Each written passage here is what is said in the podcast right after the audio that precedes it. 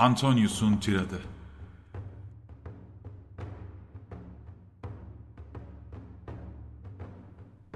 Dostlar, Romalılar, vatandaşlar, beni dinleyin.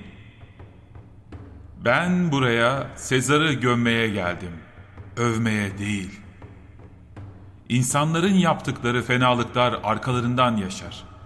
İyiliklerse çoğu zaman kemikleriyle beraber gömülür gider.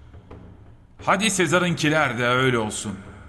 Asil Brutus size Sezar'ın haris olduğunu söyledi. Eğer böyleyse bu ağır bir suç. Sezar da bunu pek ağır ödedi.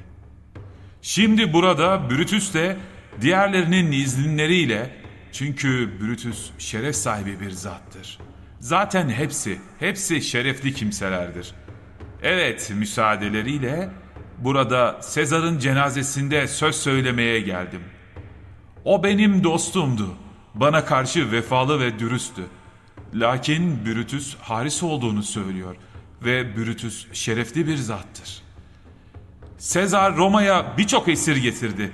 Devlet hazinelerini bunların kurtuluş akçeleri doldurmuştu. Acaba Sezar'da hırs diye görülen bu muymuş? Fakirler ne zaman ağlasa Sezar'ın gözleri yaşarırdı. Hırs daha sert bir kumaştan olsa gerek.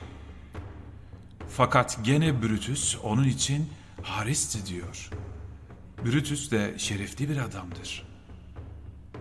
Siz hep gördünüz. Lupercalia yortusunda ben kendisine üç defa krallık sundum.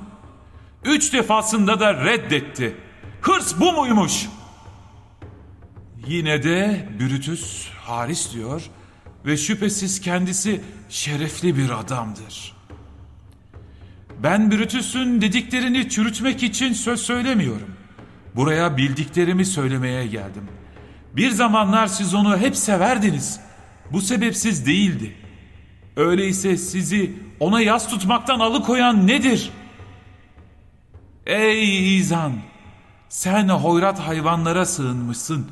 İnsanlar da muhakemelerini kaybetmiş. Beni affedin. Kalbim tabutun içinde, şurada. Sezar'ın yanında.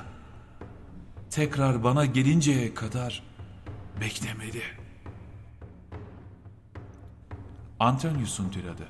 Seslendiren Süleyman Sönmez.